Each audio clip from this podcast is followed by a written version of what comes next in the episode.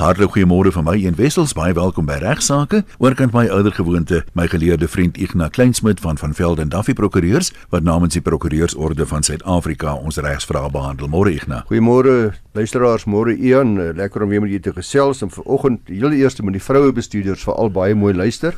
Mm. Want die hoër hooggeregshof hier in Suid-Afrika, hier in Gauteng, het Vrydag 'n baie baie interessante uitspraak gelewer, 'n streemende aanval geloods op vroue bestuurders in Suid-Afrika. In die saak van uh, die staat uh, teen mevrou M Wilkins het 'n volbank van 3 regters bevind dat vroulike bestuurders by verre weg die grootste oorsaak is van ongelukke op ons paaie in Suid-Afrika. Nou dis 'n ja. mondvol, Ian, dis regtig baie. Ek dink baie mans vermoed dit al lank. Ja, die beskuldigde het verskeie aanklag vir roekloos nalatige bestuur vir sy derde oortreding in 4 maande.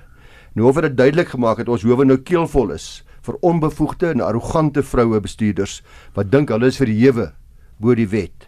'n Professor in vervoerkunde het ook uh, baie goed getuig uit statistiese gegevens aan die hof voorgelê wat onbetwisbare bewys gelewer het dat mans baie beter bestuurders is as vroue. Nou regter Donald het uh, namens hom en die ander regters, die ander regter een regter was ook dak geweest, onder andere die volgende gesê en ek haal aan Female drivers seem to believe that they are not bound by the traffic rules in South Africa. their cell phones are glued to their ears and they are fiddling in their handbags whilst driving. It's the view of this court that the time has come that every female driver must be retested. Nou kyk, dit is 'n ding wat Dis ingrypend. Dit gaan groot probleme veroorsaak hierdie. Uh die hof beveel aan uiteindelik dat vir alle vroulike bestuurders nou moet ons maar mooi luister luisteraars, alle vroulike bestuurders hertoets moet aflê vooraf op 30 April 2019. Dis sommer een van die dae. Dis een van die dae. Nou ek weet nie wat se chaos dit gaan veroorsaak by die lisensiekantore nie. Hulle bestuurderslisensies verval dus outomaties op 1 Mei behalwe as hulle hierdie nuwe streng toets wat die hof aanbeveel geslaag het. Nou ja, een ek het uh, lankal gedink ons hoe moes hulle voet neersit met uh, hierdie soort van ding. Uh hierdie uitspraak is 'n goeie voorbeeld vir my van ons howe se onafhanklikheid en hulle vreesloosheid. En 'n baie pragmatiese benadering. Ja, en ek dink die waarheid maak seer vir baie van die dames, maar ek ek ek, ek, ek jy stem ook seker saam met die uitspraak hier. Wel, ek kan dink daar was waarskynlik nie 'n vroulike regter op die bank nie. Nee. Uh en dit sal interessant wees om te sien wat gebeur op appel, maar op die oog af, ek dink ons het al baie meer beslissings hier op regsaake behandel wat ooglopend verkeerd was as as hierdie een. Ja, ek weet daar gaan sekere dames gaan ongelukkig wees, maar ek bedoel jou vrou en my vrou ons hulle ons het seker al vir hulle albei ook gesê dat dit is 'n probleem. Wat ek ook vir my vrou gesê het is sy moenie dink as hulle eendag haar lisensie afvat, ek gaan daar rondry nie. Ja. Nou ek is baie beïndruk met die uitspraak van regters Donald en Duck. Luisteraars. Nee, uh Ons moet ook onthou die ware waarheid is. Donald Duck die 1 April. Uh, so voordat jy ah. in jou koffie verstik en jy Uh, dis gekke dag, is April Fools dag. So raak maar rustig, ontspan maar dames, luisteraars. Daar was nooit so uitspraak nie want uh, ek en ek dink eer en julle almal weet dat vrouens eintlik baie beter bestuurders is as Kijk, mans. Dis my oorwoe mening. As dit nie so was nie, daar's 'n versekeringsmaatskappy wat spesifiek vrouens verseker, vroue bestuurders. Ja, ja. En as vrouens regtig so swak bestuurders was nou sy daai plek lankal bankrot gespeel het. so dis net 'n paar luisteraars lekker gevang. Die amptelike regstelling, ja. dis net 'n grappie hier op uh, eh, 1 April dag en ons hoop luisteraars aanvaar dit in die die goeie gees waarin ek en Ignas dit bedoel. Ek kry 'n briefie van 'n jong 17-jarige dame luisteraar sy het uh, van haar oupa geërf en wil nou weet van watter ouderdom sy 'n testament kan verlei en van watter ouderdom sy haar geld kan kry. Sy sê haar geld is tans in 'n trust en lyk my sy het probleme om dit uit die trust te verkry vanaf die trustees. Haar naam is Sandra en haar ouderdom is 16 en gaan nou nie haar van gee nie, maar te beskerm maar uh Sandra ja. Uh ekskuus sy 17, maar Sandra die ouderdom van wanneer mens jou eie testament kan maak is 16. So jy kan al jou eie testament maak, dis beantwoord daardie vraag. En jy kan daarin sê wat jy wil, jy hoef nie jy bygestaan kan, te word deur 'n voog. Hoegenaamd nie, jy kan daarin sê net wat jy wil, die gewone vorm vereistes met twee getuies ensovoorts se so geld uit daar van die saak. Net om dit duidelik te maak, ek nee jou ma en pa hoef nie eers te weet jy het jou eie testament. Ja, en jy kan jou kerel laat erf of jy kan een jou oom laat erf of wie ook nog al jy lus is om voor te laat erf. Maar onthou net een ding, ek sien hier's by haar 'n misverstand. 'n Begunstigde in 'n trust besit niks. Jy kan nie oor daardie geld wat in die trust vir jou lê as begunstigde daaroor beskik in jou testament nie. Die trustees gaan oor daardie geld beskik en eers as die trustees eendag besluit om vir jou geld te gee, dan word dit natuurlik eers jou eiendom en dan sal dit deel wees van dit wat in jou boedel val wanneer jy jou testament maak. En of as die trust eendag beëindig en die geld dan aan jou gegee word wat nog op daardie stadium oor is, die reste, so tot dusver uh, Sandra as jy blote begunstigde en uh, sal die trustees besluit binne hulle diskresie. Dis wat 'n diskresionêre trust beteken. Hulle kan besluit of jy nou geld nodig het of nie. Dis nou vir dinge op haar ouderdom soos om te gaan studeer en so aan. Ja, en ek het nou al voorbeelde gehad wat uh, beginselde vir my bitter kwaad was omdat ek nie vir my 750 cc motorfiets verkoop op 17 jarige ouderdom nie. Nou, ek kan verstaan hoe jy voel. Ja. ja. nou dikwels is die uh, trust maar te gunste vir minderjariges en dikwels sal die meeste trust aktes, ag nee, baie van hulle in elk geval bepaal dat die trust eers beëindig wanneer die begunstigdes die ouderdom van 25 jaar bereik. Of dikwels as meer as een kind is wanneer die jongste kind die ouderdom van 25 jaar bereik. En tot dan sê soos ek sê is dit die trustees absolute diskresie oor die uitdeel van daardie trustgelde. En uh as hulle dink jy's verantwoordelik genoeg en jy tree op soos 'n volwassene dan is jou kanse baie beter om baie vinniger van daardie trustgeld te kry tot voordeel van jou aangewend te word. Ja, nou kan jy vloot motorfiets koop. Soos byvoorbeeld studies, ja. ja. Een dan die plig om laterale ondersteuning aan jou buurman te verleen. Ja, dis 'n groot woord. Ja, die die hoeksteen van buurregte in Suid-Afrika is dat elke persoon volle gebruiksreg het op sy of haar eiendom, maar en dis belangrik net tot so mate dat dit nie inbreuk maak op jou aangrensende buurman se regte op sy eiendom nie. So is 'n balanseringstruik wat die hof hier moet toepas telkens. In die bekende appelhofsaak van Regal versus African Superslate, dis al in 1963 en alle regstudente ken hierdie saak. Het die hof die bureregte beginsels baie mooi uiteengesit as volg. Dat hierdie saak word gekwoteer in feite elke bureregsaak. In hoofsaak het dit hier te doen met die bureg. As algemene beginsel kan iedere een met sy eiendom doen wat hy wil al strek dit tot nadeel of misnoë van 'n ander. Maar by aangrensende eiendomme spreek dit haas van self dat daar minder ruimte is vir onbeperkte regsuitoefening. Die reg moet 'n reëling voorsien vir botsende eiendoms en genotsbelange van bure en die hof doen dit deur eiendomsregte te beperk en aan die eienaars verpligtinge op te lê teenoor mekaar. Nou in die saak van Dias versus Petropolis en ander is pas in die Weskaap uh, is daar 'n uitspraak gelewer aan die einde van 2018. Die Dias vir Petropolis dagvaar vir skade wat aangerig was aan sy eiendom. Hulle was aangrensende bure wat gewoon het in Kampsbaai. Dias het beweer dat toe Petropolis die uitgrawings op haar eiendom gemaak het, dit skade aan sy eiendom veroorsaak het. Nou dit gaan hierso soos gee die plig om laterale ondersteuning, steenmure, uh sement rotse ensovoorts wanneer jy veral wanneer jy in grens aangrensend is met redelike steile hellings. Ja, dit kan dit, dit kan dit kan groot uh, skade veroorsaak. Nou Dia se huis was geleë op 'n berghelling daar in Kampsbaai waar daar baie losklippe was en hierdie lus losklippe op die helling het beweeg tydens die uitgrawings en sodoende toe skade aan sy eiendom veroorsaak. Nou volgens Dias was dit veroorsaak deur Petropolis wat nie haar plig nagekom het om hierdie laterale ondersteuning aan haar buurman se erf te verleen nie om dit so te bou dat daar nie skade aan sy erf kan wees nie. Nou Petropolis eh, se verweer was daarop gebaseer dat sy geen plig gehad het om sulke laterale ondersteuning aan Dia se eiendom te verleen nie omdat Dia self voorheen uitgrawings op sy eie grond gemaak het en dus was sy grond nie meer in sy natuurlike toestand soos wat die skepping dit daar gestel het nie. Verdermeer het sy aangevoer dat Dias toegestem het daartoe dat sy die uitgrawings doen wat so was, uh, maar natuurlik op sekere voorwaardes en daarom het Dias sy reg verbeur om dan te steun op haar verpligting vir laterale ondersteuning. Nou die hof het bevind dat daar geen aanduiding is die hof het wyd gaan kyk na gesag. As geen aanduiding in die Suid-Afrikaanse reg dat jy slegs laterale ondersteuningsreg het indien jou grond nog in sy oorspronklike toestand is nie. So daardie argument het hulle dadelik verwerp. Uh daar's inderdaad gesag uh waaraan die hof verwys wat aandui dat jou ondersteuningsreg vir jou eiendom insluit dat die geboue op jou erf ook in aanmerking geneem moet word. So al is daar verbeteringe aangebring ensovoorts moet in aanmerking geneem word dat daar's geboue op jou erf en dis waar die geboue staan ensovoorts wanneer daar gekyk word na hoe die buurman bou om te kyk dat jou erf nie skade aangedoen word nie. Maar sê die hof, en dis belangrik, ongeag dit wat ek nou gesê het, sou dit onbillik wees om 'n ondersteuningsreg van jou buurman te verwag indien jou eiendom strukture op het wat onredelik of disproporsioneel swaar is. So as ek 'n kasteel gaan bou op 'n 1000 vierkante meter erf wat self probleme skep met die met die gewig op daardie spesifieke helling en die grond ensovoorts, dan uh, gaan ek nie meer kan staat maak op laterale ondersteuning nie. So wat buurreg aanbetref is die element van redelikheid dis uiters belangrik. Die hof in elke geval op sy eie meriete beoordeel. Redelikheid speel 'n rol wanneer daar bepaal moet word of daar 'n plig was op jou buurman om op 'n sekere wyse te ondersteun, jou erf te ondersteun. Die hof bevind dat die plig om sodanige laterale ondersteuning aan jou buurman te verleen uitgebrei kan word na geboue, maar slegs soos ek gesê het, indien jou geboue nie onredelik swaar strukture is nie.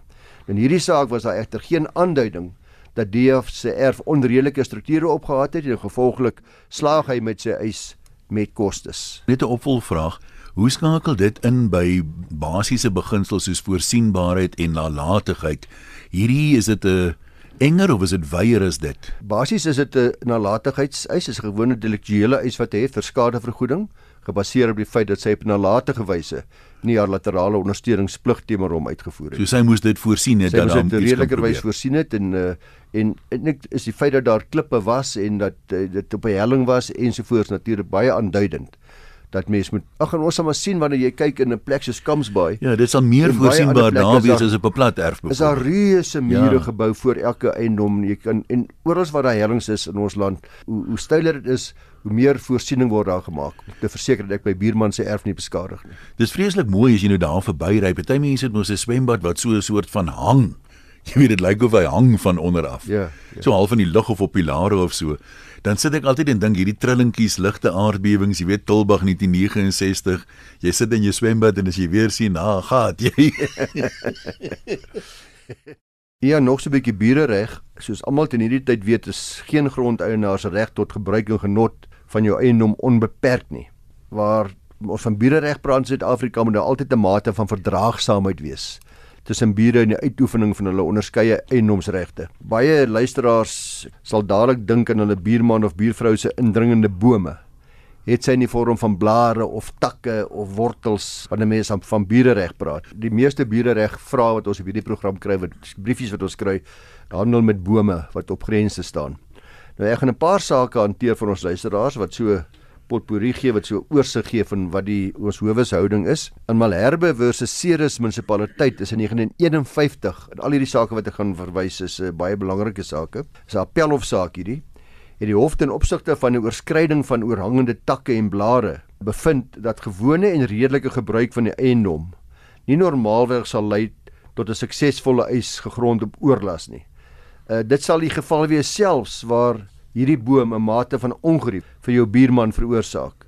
Nou in 'n ander woord, die hof gaan hom nie verplig om my boom uit te haal maklik nie. Selfs waar dit 'n mate van ongerief vir die buurman veroorsaak, die hof het verder beslis dat 'n grondeienaar nie van sy buurman kan verwag om blare op te ruim indien hy self toegelaat het dat takke oor sy eiendom groei of hang nie.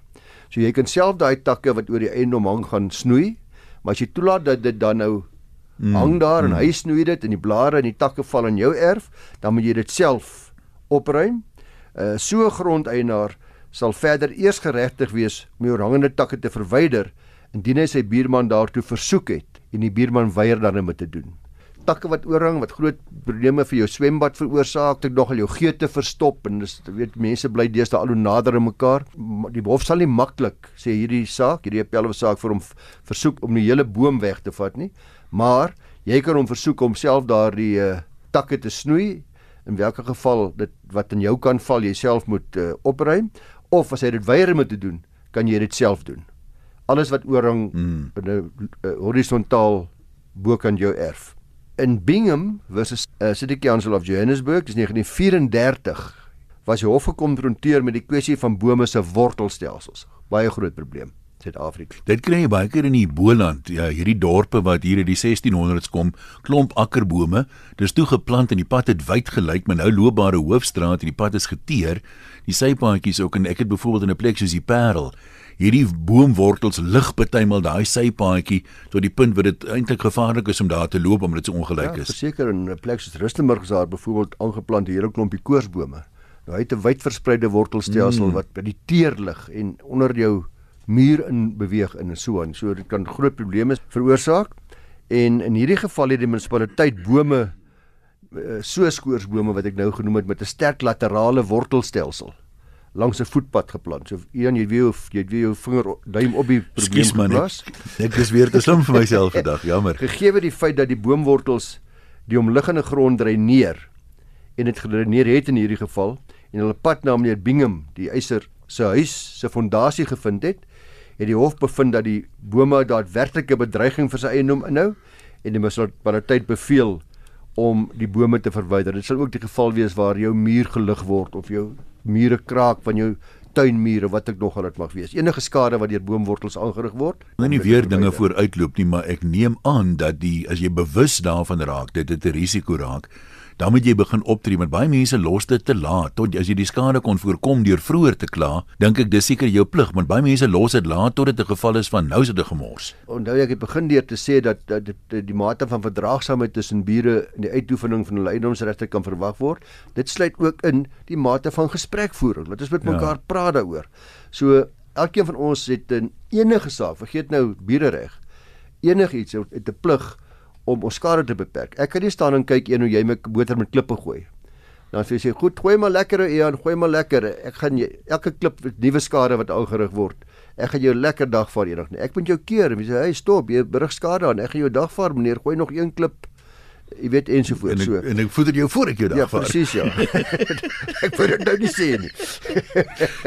nou hierdie kwessie van boomwortels het weer vir ons howe gedien in Vogel versus Crew C R E W E en 'n ander in 2004. Kroo het in hierdie geval beweer dat sy buurman Vogel se boom wat 2 meter van hulle grensmuur geplant was, probleme op sy eiendom veroorsaak het. Nou hierdie is die mees algemene briefie wat ons kry. Die mure, die boom is geplant 'n meter of 2 van my grens af en ek het probleme. Volgens hom het die boom se wortelstelsel skade aan die grensmuur gerig en die blare van die boom ook in sy swembad geval. Uh, en sy geete en rioolstelsel verstop. Uh soos ek sê hierdie vo voorbeeld, hierdie feite stel is presies wat ons daagliks by hierdie program kry. In hierdie geval was die voordele wat die bewaring van hierdie mooi boom ingehou het opgeweeg. Onthou die vraag is nou of die boom weggevat moet word, afgekap moet word, uitgehaal moet mhm. word. Is opgeweeg teen ongerief wat dit vir kroe veroorsaak het.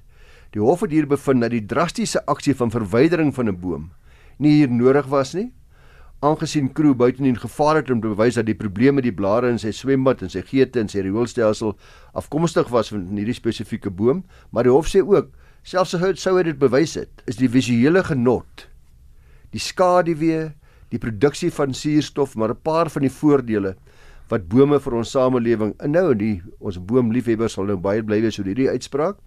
Die hulle die hof sê 'n boom sal is 'n werklike en onmiddellike bedreiging vir 'n buurman se eiendom moet inhou alvorens ons ons howe sal gelas dat 'n boom werklik net verwyder moet word. Voor dit, soos ek in die eerste hofsaak gesê het, jy liewer sê saag al daai takke af. Alles wat oorhang, alles wat kan skade vir verwyder dit, maar moenie noodwendig net die boom uithaal nie.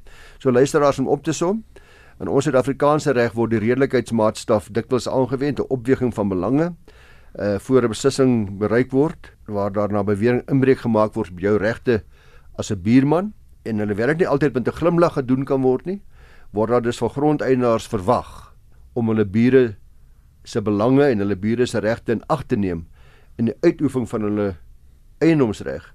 En uh, moet hulle ongelukkig aan die ander kant moet die buurman weer enige redelike inbreukmaking op my regte as eienaar aanvaar wat die mense hedendaags kry nie in die goeie ou dae het almal mos hulle bure geken, jy weet.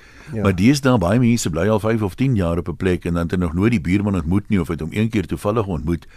Uh mens hoef nie jou buurman se drempel deur te trap nie, maar dis miskien goeie praktiese raad om as jy intrek by 'n plek of as jy 'n nuwe buurman kry om dan maar net oor te stap en jouself voor te stel en ten minste net 'n op 'n goeie grondslag weg te spring dat jy ten minste weet van mekaar. Ja, is baie waar. Een en die ander ding wat die howe oor en oor sê is kyk, dit is ongelukkig sodat daar ook oorsensitiewe Ja. buurmense kan wees. Dit gaan want dit gaan oor lawaai en oor die funksie wat jy een keer 'n jaar hou wanneer jy 4 jaar en of wanneer jou kind 21 jaar oud word, die soort van dinge wat onverdraagsaam is. So die hof maak dit baie duidelik in baie buurereg hofsaake dat die hof nie geduld het met oorsensitiewe bure nie, maar dat ons hier kyk na die redelike buurman. Uh die ou wat soms bietjie begrip sal hê en Ja. verdraagsaam sal wees wanneer dit nodig is. So wie is die redelike buurman? Ja, ek dink dis ek en jy. Dink almal iemand so. Almal dink so ja. Mevrou van Bergen skryf dat sy in 2014 in siviele litigasie betrokke geraak het in die Hooggeregshof hier in Gauteng. Sy sê na 5 jaar is daar nog steeds geen uitspraak nie. Was reeds 3 maal in die hof.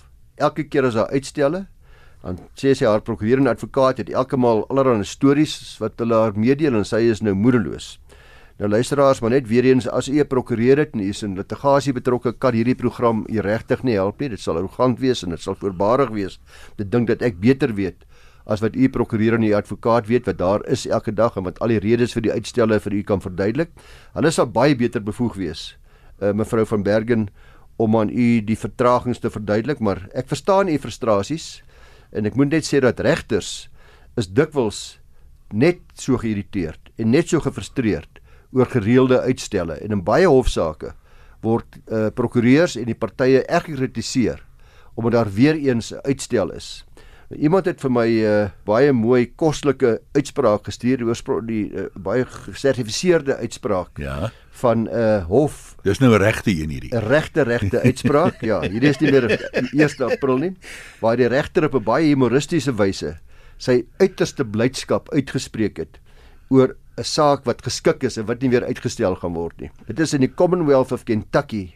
Ek kan nie onthou wie die ding vir my gestuur het. Ek is jammer vir die luisteraar, maar baie dankie daarvoor. Is oulik. Commonwealth of Kentucky se Kenton Circuit Court, First Division en dis in 2011. En hierdie so ek sê dis geteken deur die regter John C Middleton saak van Barbara Kissel en Swarts and Mains en Ruby.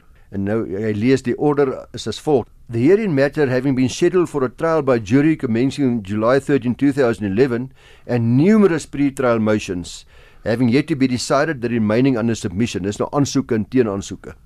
And the parties having informed the court that the hearing matter has been settled amicably, that there is no need for a court ruling on the remaining motions and also that there is no need for a trial.